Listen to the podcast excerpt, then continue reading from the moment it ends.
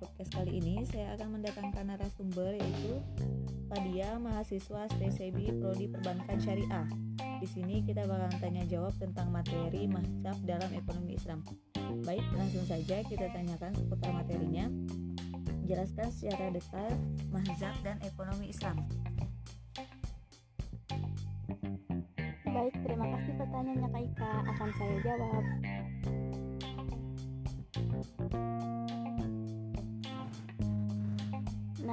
Mazhab-mazhab dalam ekonomi Islam dalam sejarah pemikiran ekonomi, kehadiran aliran atau mazhab ekonomi biasanya bertujuan mengkritik, mengevaluasi atau mengoreksi aliran-aliran ekonomi. Sebelumnya yang dinilai tidak mampu menyelesaikan persoalan-persoalan ekonomi. Dalam ekonomi konvensional, kita mengenal aliran ekonomi klasik, neoklasik, marxik, historis, institusional, moneteris, dan lainnya sebagiannya. Nah, ilmu ekonomi Islam pun tidak luput dari aliran atau mazhab-mazhab ekonomi. Menurut pandangan mereka, perbedaan filosofis ini berdampak pada perbedaan cara pandang keduanya dalam melihat masalah ekonomi. Menurut ilmu ekonomi yang sudah kita kenal, Masalah ekonomi muncul karena adanya keinginan manusia yang tidak terbatas, sementara sumber daya yang tersedia untuk memuaskan keinginan manusia jumlahnya terbatas. Dengan demikian, karena segala sesuatunya sudah diukur dengan sempurna, sebenarnya Allah telah memberikan sumber daya yang cukup bagi seluruh manusia di dunia. Di dunia. Pendapat bahwa keinginan manusia itu tidak terbatas juga ditolak. Contohnya, manusia akan berhenti minum jika dahaganya sudah terpuaskan. Apalagi ada apa ada pertanyaan lagi, Kaika? Oh iya, selanjutnya coba jelaskan pendapat tiga mazhab dalam ekonomi Islam. Baik, pertanyaan yang sangat bagus. Tiga mazhab dalam ekonomi Islam yaitu Yang pertama yaitu mazhab Bakir al-Sad. Mazhab ini dipelopori oleh Bak al-Sada dalam bukunya Iktisoduna ia menegaskan bahwa ilmu ekonomi tidak pernah sama dengan Islam. Ekonomi tetap ekonomi, Islam tetaplah Islam. Keduanya tidak akan pernah bisa disatukan karena keduanya berasal dari filosofi yang kontraktif sehingga cara pandangnya akan berbeda pula ketika melihat ekonomi. Menurut ilmu ekonomi, permasalah ekonomi adalah keinginan manusia tidak terbatas sedangkan alat pemuat daya tidak mengenal kata terbatas.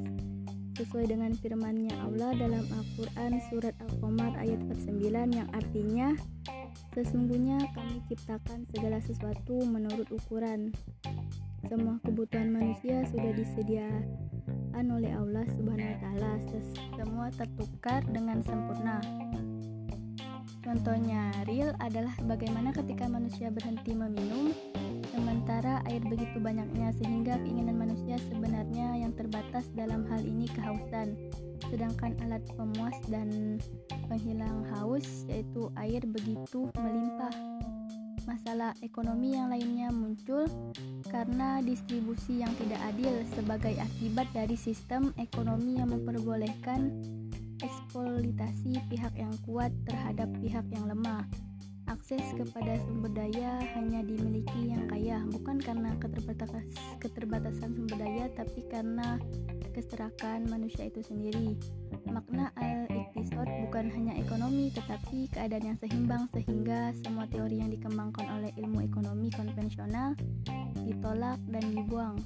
Untuk itu diperlukan penggalian kembali dari Al-Quran dan Al-Hadis terhadap teori yang baru dari ekonomi yang diberi label ekonomi Islam.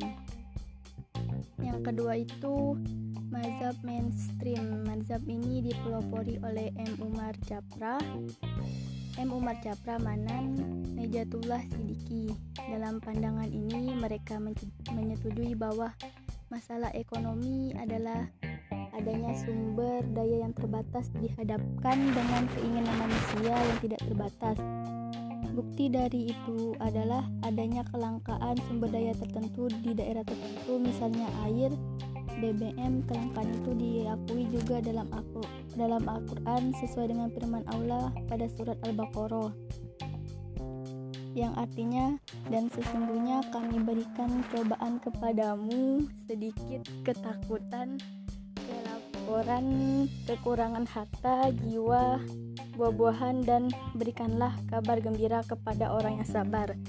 Padahal sebagaimana dipahami bahwa keinginan manusia juga tidak terbatas. Hal itu juga disindir oleh Allah dalam Al-Qur'an Al-Takasur ayat 1 sampai 5. Nah, yang artinya bermegah-megahan telah melalaikanmu sampai kau masuk ke dalam kubur.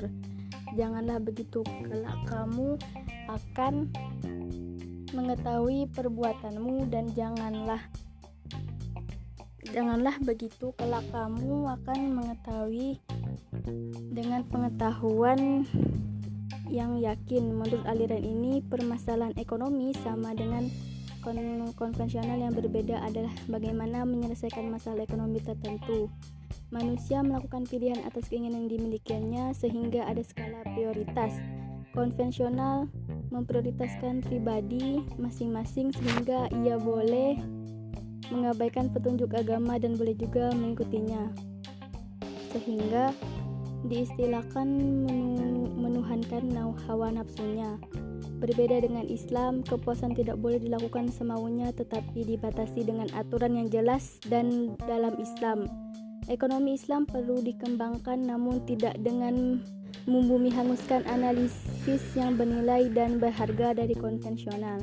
Mengambil yang baik dan bermanfaat dari non-muslim sama sekali tidak dilarang oleh ajaran Islam. Praktik seperti ini telah diajarkan dan dipraktikkan oleh ilmuwan muslim klasik dengan prinsip yang bermanfaat diambil sedangkan yang tidak bermanfaat harus dibuang. Inilah bentuk transformasi keislaman termasuk dalam konteks relasi Islam dan konvensional dalam ranah ekonomi dan yang ketiga itu pendapat dari mazhab alternatif kritis.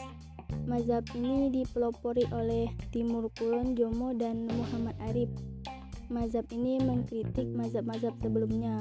Mazhab Bakar dikritik sebagai mazhab yang ingin menemukan sesuatu yang sudah ada dan sudah ditemukan oleh orang lain.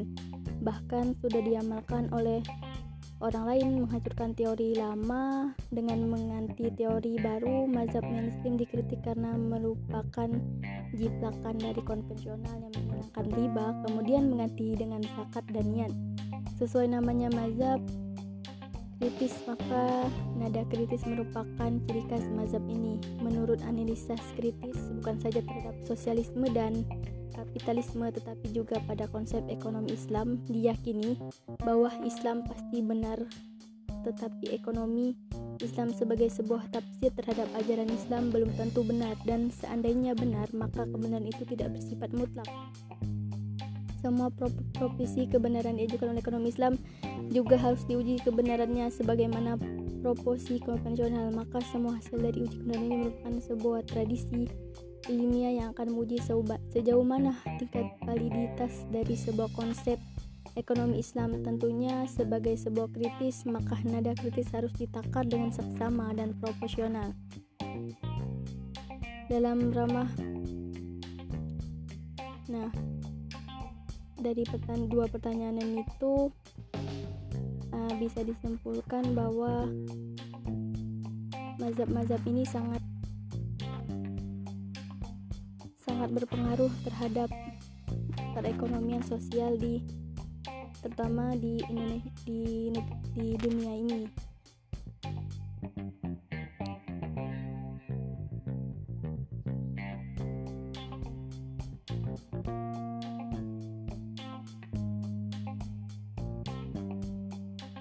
Nah, saya juga akan menjelaskan di proses yang bisa diagendakan untuk pemahaman dari sistem lembaga bisnis syariah yang skala mikro dan mikro meliputi teknis manajemen dan produksinya. Sebuah individu dan lembaga usaha bisnis dan makro menentukan stabilitasnya. Baik uh, seperti itu jawaban dari pertanyaan yang diajukan ke terima kasih saya ucapkan terima kasih untuk pertanyaannya. Baik terima kasih Fadia